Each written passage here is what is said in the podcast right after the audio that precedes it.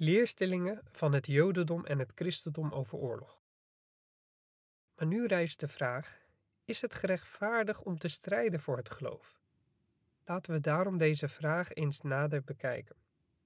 In de religie bestaan er verschillen in het onderwerp over oorlog. De leerstellingen van het Oude Testament hebben wij hierboven al eerder vermeld. Mozes wordt bevolen om het land van Canaan met geweld te veroveren de bevolking te verslaan en zijn eigen volk daar te laten vestigen. Deuteronomium hoofdstuk 20, vers 10 tot 18. Ondanks dit geloofspunt in het boek van Mozes en ondanks het toepassen daarvan door de profeet Josua, David en anderen, worden deze profeten door de Joden en de Christen nog, nog altijd geëerbiedigd en worden hun boeken nog altijd gezien als de boeken van God. Tegen het einde van de Mosaïsche periode zien wij Jezus die leert maar ik zeg u: verzet u niet tegen wie u kwaad doet. Als iemand u op de rechterwang slaat, draai hem dan ook de linkerwang toe. De christenen halen dit vers vaak aan om aan te tonen dat Jezus tegen geweld predikte. Maar in het Nieuwe Testament vinden wij versen die juist het tegenovergestelde leren. Zo lezen wij bijvoorbeeld: Denk niet dat ik gekomen ben om vrede op aarde te brengen. Ik ben geen vrede komen brengen, maar het zwaard. In een ander vers lezen wij: En toen zei hij tegen hen: Maar nu moet wie een beurs heeft of een tas, die meenemen. En wie geen zwaard heeft, moet zijn jas verkopen om er een aan te schaffen. Van deze drie versen spreken de laatste twee de eerste tegen. Als Jezus was gekomen om te vechten, waarom leert hij ons dan om de andere wang toe te keren? Het lijkt erop dat we of moeten toegeven dat er een tegenstrijdigheid bestaat in het Nieuwe Testament, of dat we deze tegenstrijdigheid in de leerstellingen op een aannemelijke wijze moeten kunnen verklaren. Het gaat ons hier niet om de vraag of het toekeren van de andere wang enige praktische nut heeft. Het gaat ons eerder om het feit dat in de lange geschiedenis van de christenen er nooit een volk is geweest dat niet geaarzeld heeft om oorlog te voeren. Toen de christenen voor het eerst de macht bereikten in Rome, namen zij deel aan zowel defensieve als offensieve oorlogen. In de huidige wereld zijn zij nog steeds grootmachten en nemen zij nog steeds deel aan zowel defensieve als offensieve oorlogen. Alleen is het nu zo dat de winnende partij door de rest van de christelijke wereld als heilig wordt verklaard. Hun overwinning is dan een overwinning van de christelijke beschaving en met christelijke beschaving wordt dan alles bedoeld wat dominant en succesvol is. Als twee christelijke machten met elkaar in oorlog gaan, zeggen beide dat zij de beschermer zijn van de christelijke normen en waarden. Degene die wint, wordt vervolgens als de enige ware christelijke macht bestempeld. Het christendom is dus al vanaf de tijd van Jezus tot nu toe betrokken geweest in oorlogen en dit zal altijd zo blijven. De praktijk leert dus dat de christelijke volkeren het voeren van oorlogen zien als de enige juiste leerstelling van het Nieuwe Testament, en dat het toekeren van de andere wang gezien moet worden als een opportunistische leerstelling, ingegeven door de hulpeloosheid van de vroege christenen. Of het is alleen van toepassing op individuen en niet op landen of volkeren. Ten tweede, zelfs als we aannemen dat Jezus ons vrede leerde en geen geweld, dan betekent dit nog niet dat degene die dit geloofspunt niet volgden, geen heilige of respectabele mensen zijn. Per slot van rekening worden onder meer de profeten Mozes, Joshua en David, die ook oorlogen hebben gevoerd, door het christendom geëerd. Niet alleen dat, de kerk heeft zelfs nationale helden die slachtoffers werden van oorlogen heilig verklaard. Ze werden tot heiligen verheven door de paus. De Heilige Koran over oorlog en vrede. De leer van de islam verschilt van de twee andere. Het is een middenweg tussen de twee.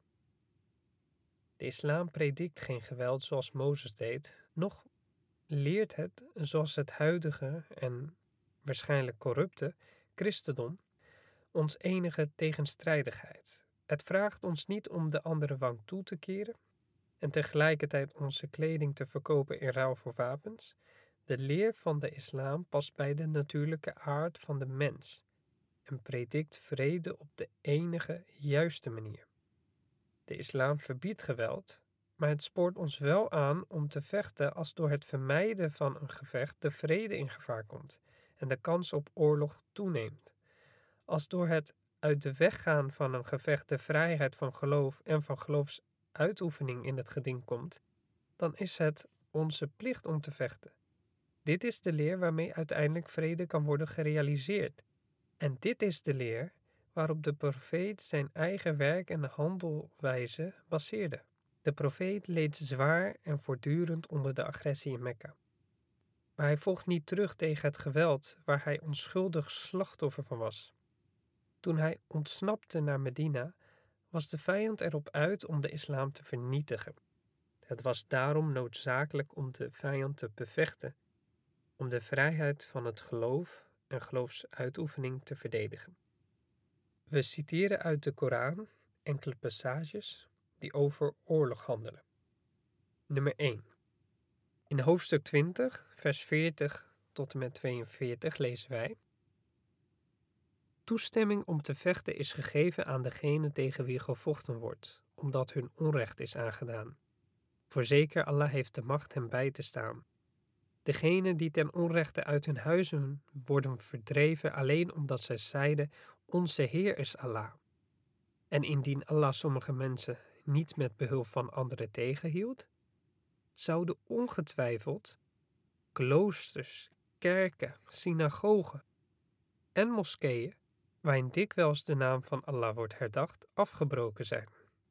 Allah zal ongetwijfeld degene ondersteunen die hem helpt.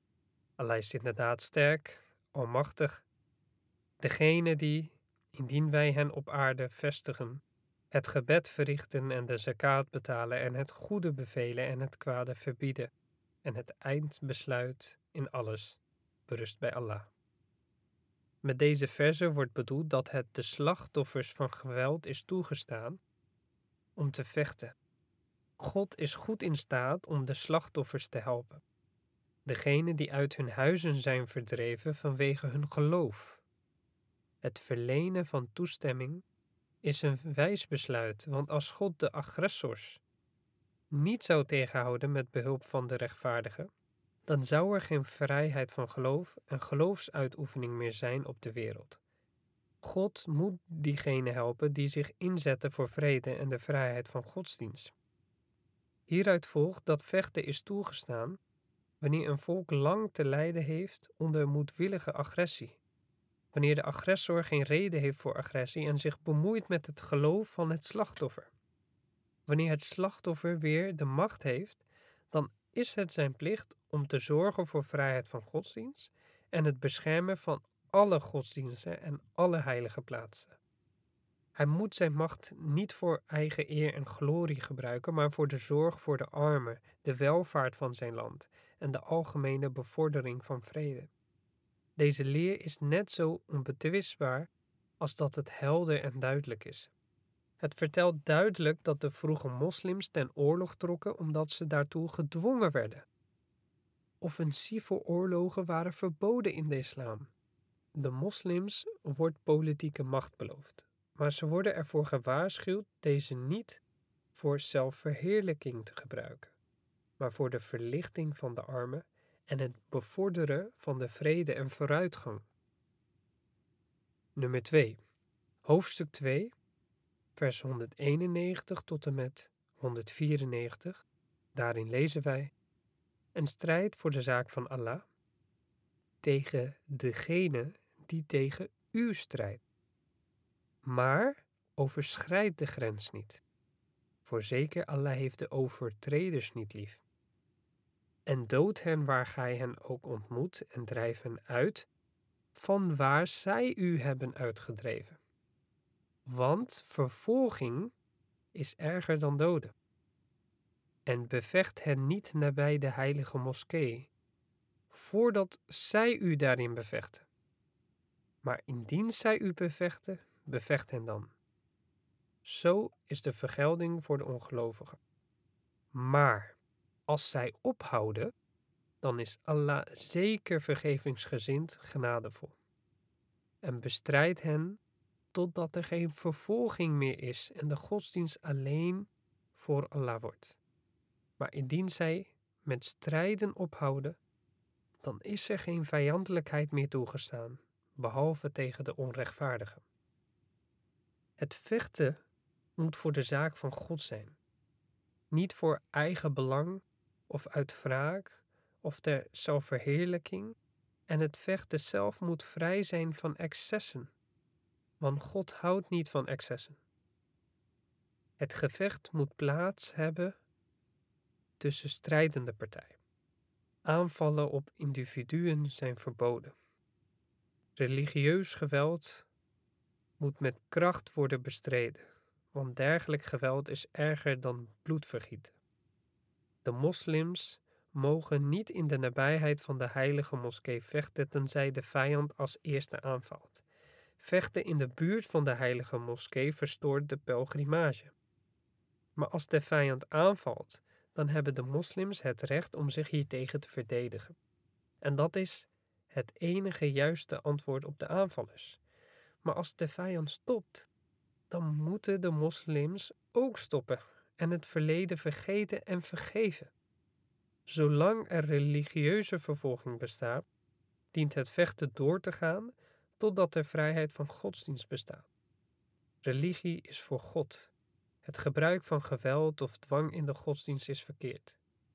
Als de ongelovigen dit afzweren en vrijheid van godsdienst toestaan, dan moeten de moslims stoppen met het vechten tegen de ongelovigen. Tegen degenen die zich te buiten gaan aan excessen, moet men de wapens opnemen. Maar zodra de excessen stoppen, dan moeten de gevechten beëindigd worden. Categorisch gezien kunnen we zeggen dat de versen ons de volgende regels leren. Nummer 1.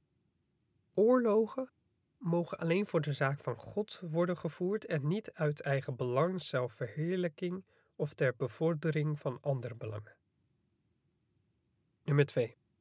Wij mogen alleen ten oorlog strijden tegen degene die ons als eerste aanvallen. Nummer 3. We mogen alleen vechten tegen degene die ons bevechten. Iemand die niet deelneemt aan het gevecht mag niet bevochten worden. Nummer 4. Zelfs als de vijand is die met vechten begint, is het onze plicht om ervoor te zorgen dat het gevecht binnen de grenzen blijft. Het uitbreiden van de gevechten is verboden of dit nu qua grondgebied is of wat wapens betreft. Nummer 5. Vechten is alleen toegestaan tegen de gewapende eenheden van de vijand, die daarvoor speciaal zijn geformeerd. Het vechten tegen andere partijen van de vijand is niet toegestaan. Nummer 6. In oorlogstijd moet immuniteit gewaarborgd zijn voor de religieuze gebruiken en vieringen. Als de vijand de plaatsen omziet waar religieuze ceremonies worden gehouden, dan moeten de moslims ook afzien van gevechten op deze plaatsen. Nummer 7.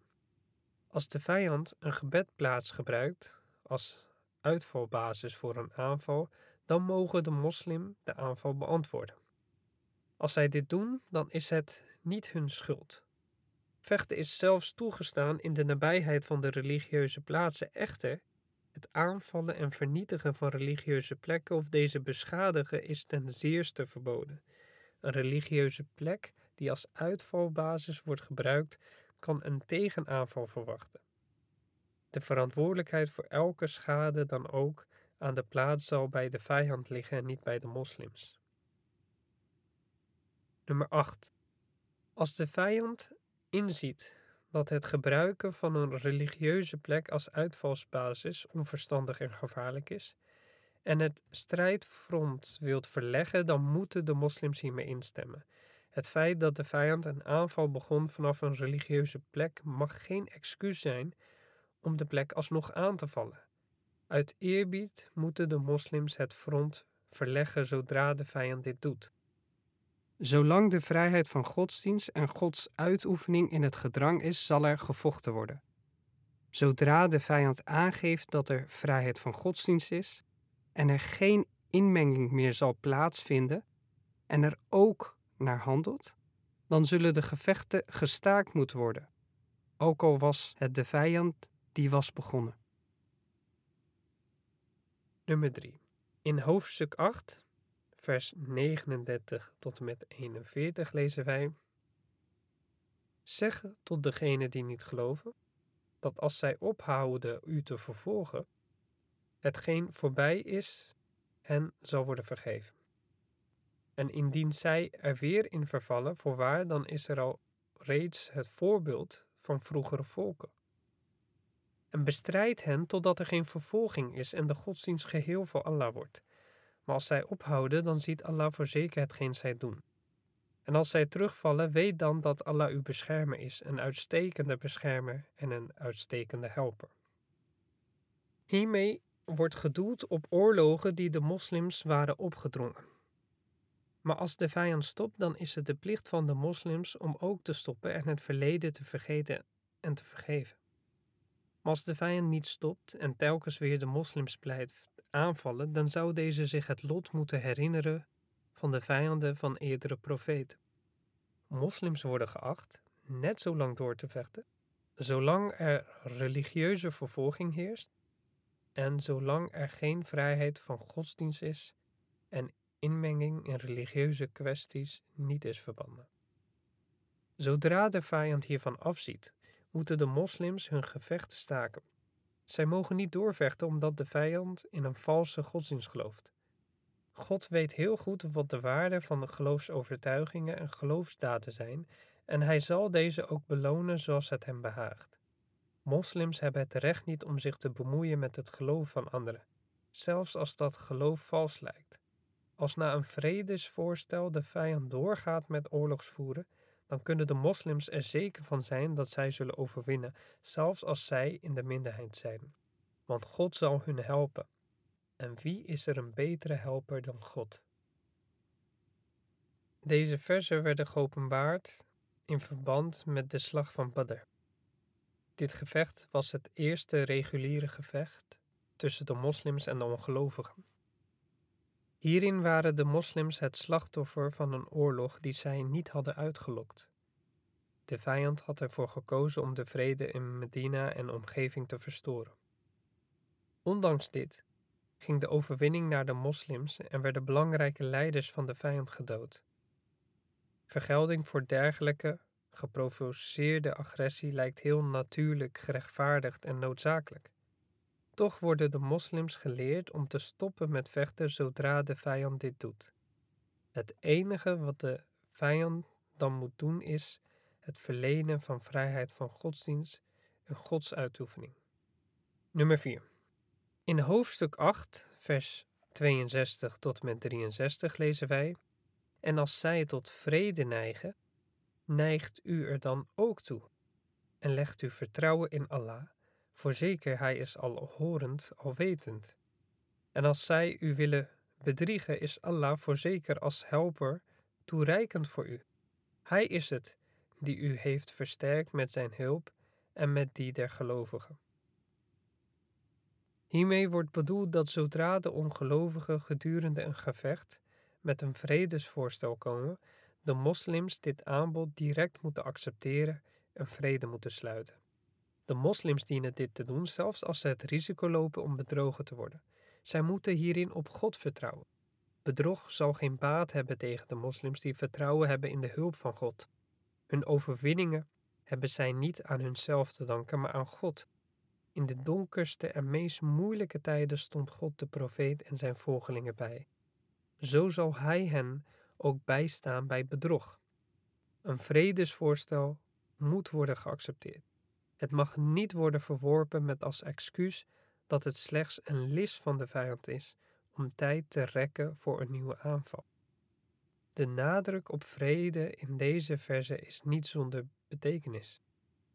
Het liep vooruit op de vrede die de profeet tekende in Hodebia. De profeet was gewaarschuwd dat er een tijd zou komen dat de vijand een vredesvoorstel zou doen. Het voorstel mocht niet verworpen worden op grond van het feit dat de vijand de agressor was en zich schuldig had gemaakt aan excessen of omdat de vijand niet te vertrouwen was. Het rechte pad zoals de islam ons leert vereist van een moslim dat hij een vredesvoorstel accepteert. Zowel beleidsmatig gezien als uit vroomheid is het wenselijk om een vredesvoorstel te accepteren. Nummer 5. In hoofdstuk 4, vers 95 lezen wij: O gij die gelooft, wanneer gij voor Allah zaak oprukt, onderzoek dan en zeg niet tegen iemand die u met de vredesgoed begroet: Gij zijt geen gelovige. Zoekt gij de goederen van dit leven? Bij Allah zijn goede dingen in overvloed. Zo waart gij voordien, maar Allah bewees u zijn gunst. Stel daaromtrent een nauwkeurig onderzoek in, voorzeker Allah weet wat gij doet. Hiermee wordt bedoeld dat de moslims, voordat zij in oorlog gaan, ervoor moeten zorgen dat het de vijand duidelijk is gemaakt dat oorlog voeren zinloos is en of zij desondanks toch nog oorlog willen voeren. Zelfs dan als er een vredesvoorstel wordt ontvangen van een individu of groep, dan mogen de moslims deze niet afwijzen met als excuus dat het niet oprecht bedoeld is. Als moslims een vredesvoorstel afwijzen, dan strijden zij niet meer voor God, maar voor hun eigen belang en wereldlijk gewin. Net zoals religie van God afkomstig is, zo zijn wereldlijk gewin en eer ook van Hem afkomstig. Doden moet niet het doel zijn. Iemand die wij vandaag willen doden, kan morgen worden geleid. Hadden de moslims moslim kunnen worden als zij niet gespaard waren gebleven? Moslims mogen niet doden, want levens die gespaard worden kunnen later levens blijken te zijn die geleid worden. God is goed op de hoogte van wat de mens doet en met welke doel en met welke motieven.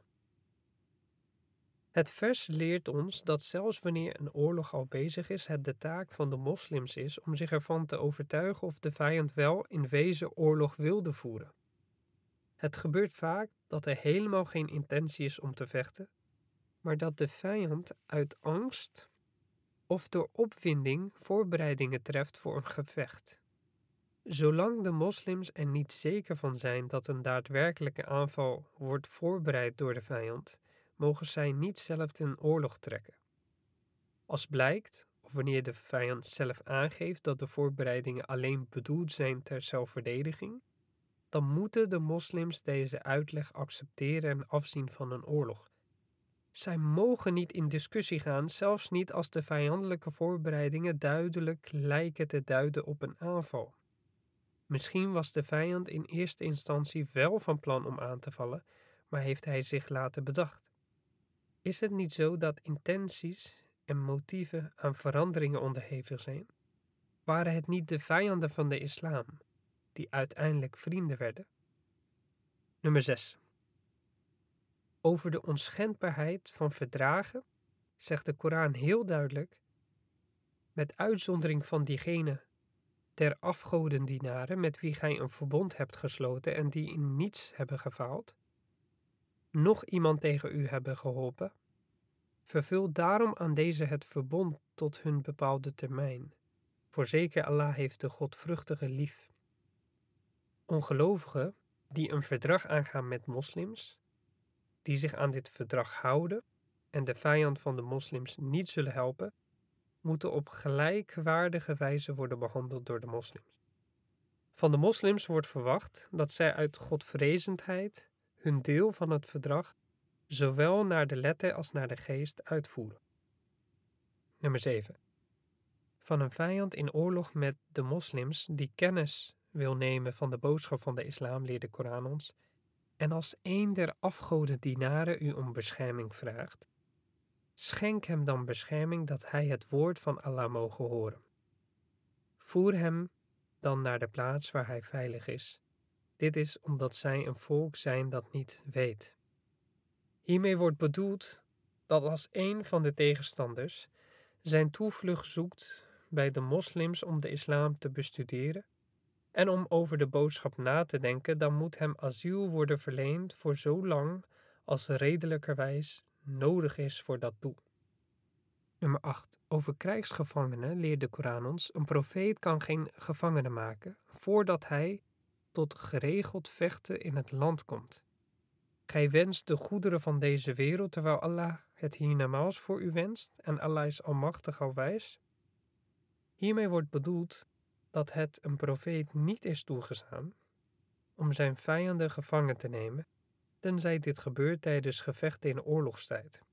De praktijk om vijandelijke stammen tot gevangenen te maken zonder dat er sprake is van oorlog, en welke tot aan de komst van de islam en zelfs daarna nog wijd werd toegepast, is hiermee onwettig verklaard. Het maken van gevangenen mag alleen maar onder de strijdende soldaten en na een gevecht. Nummer 9. De regels voor wat betreft het vrijlaten van gevangenen is ook vastgelegd. Zo lezen wij: En wanneer de oorlog is opgehouden, laat hen dan vrij uit gunst of voor een losprijs. Volgens de islam is het vrijlaten van de gevangenen zonder losprijs het best om te doen.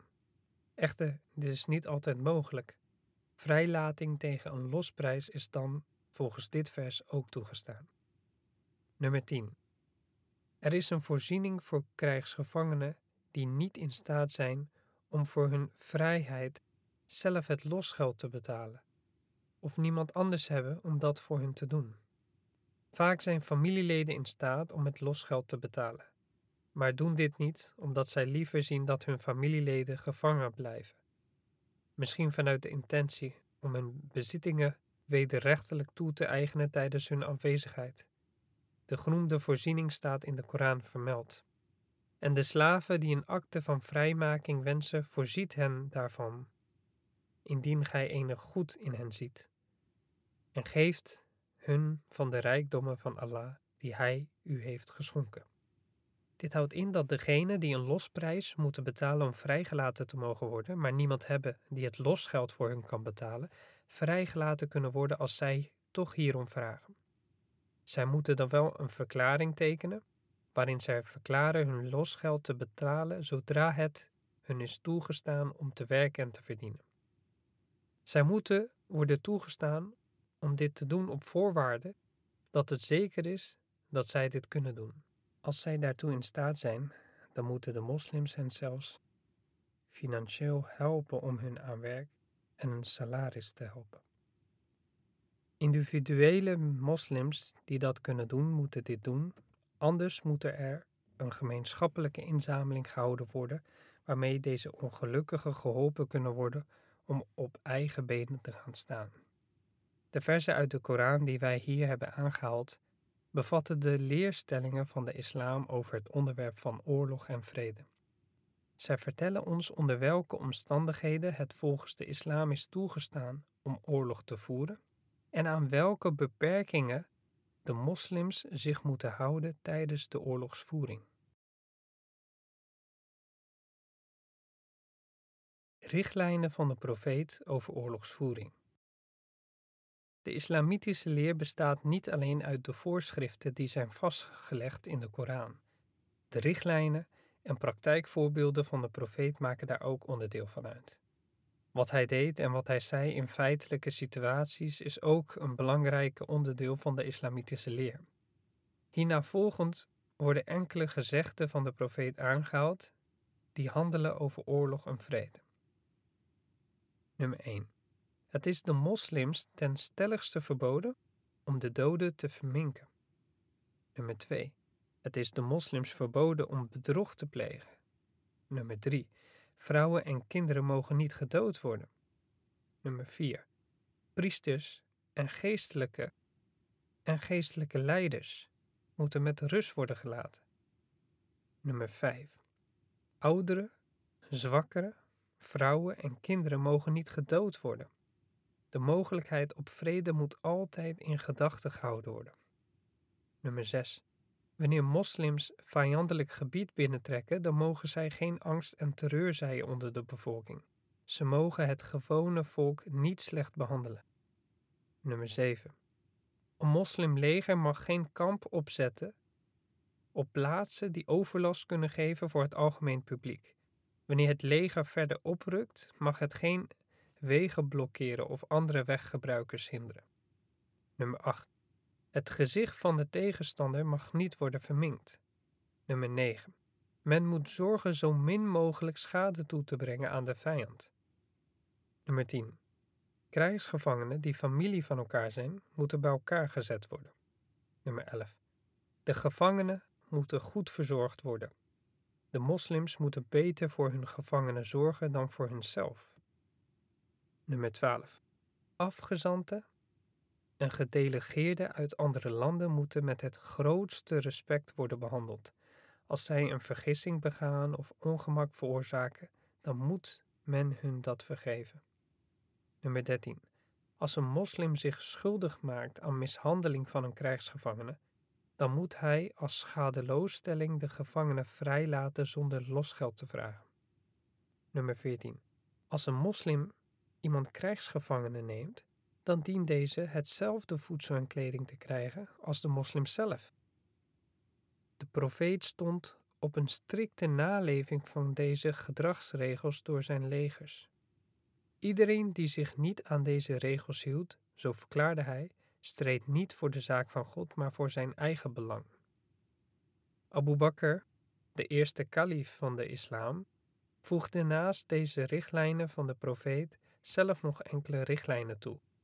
Een van die richtlijnen die samen ook deel uitmaken van de islamitische leer is het volgende. Nummer 15. Publieke gebouwen, fruitdragende bomen en struiken en gewassen op het veld mogen niet beschadigd of vernietigd worden. De gezegden van de profeet en de voorschriften van de eerste kalif van de islam laten duidelijk zien dat de islam maatregelen heeft vastgesteld die ervoor moeten zorgen dat oorlogen worden voorkomen of beëindigd of dat de schadelijke gevolgen ervan tot een minimum worden beperkt. Zoals eerder gezegd, de leerstellingen van de islam zijn niet louter vrome voorschriften, zij worden ondersteund door de praktische voorbeelden van de profeet en de eerste kaliefen van de islam. Zoals iedereen weet, predikte de profeet niet alleen deze leerstellingen, maar bracht hij ze ook in praktijk en stond hij erop dat ze strikt werden nageleefd. Als we nu naar het heden kijken, moeten we constateren dat er geen enkele andere leerstelling in staat is gebleken om het probleem van oorlog en vrede op te lossen. De leerstellingen van Mozes staan ver van onze opvattingen over rechtvaardigheid, en het is tegenwoordig onmogelijk om volgens deze richtlijnen te handelen. De leerstellingen van Jezus zijn onbruikbaar en zijn dat altijd al geweest. In de hele christelijke geschiedenis is geen enkel voorbeeld te vinden van christenen die deze leerstellingen in de praktijk hebben gebracht. Alleen de leerstellingen van de islam zijn praktisch en uitvoerbaar. Als deze leerstellingen zowel in theorie als in de praktijk worden toegepast door degene die het prediken, dan zal dat kunnen leiden tot het instand houden of het realiseren van vrede in de wereld. In deze tijd heeft meneer Gandhi ons blijkbaar geleerd dat zelfs wanneer wij in een oorlog worden betrokken, wij hier niet aan moeten deelnemen. We zouden niet moeten vechten. Maar deze leer is nog nooit door iemand in de geschiedenis toegepast. Het is nooit op de proef gesteld. Het is daarom niet mogelijk om aan te geven wat de waarde van deze leer is ten aanzien van oorlog en vrede.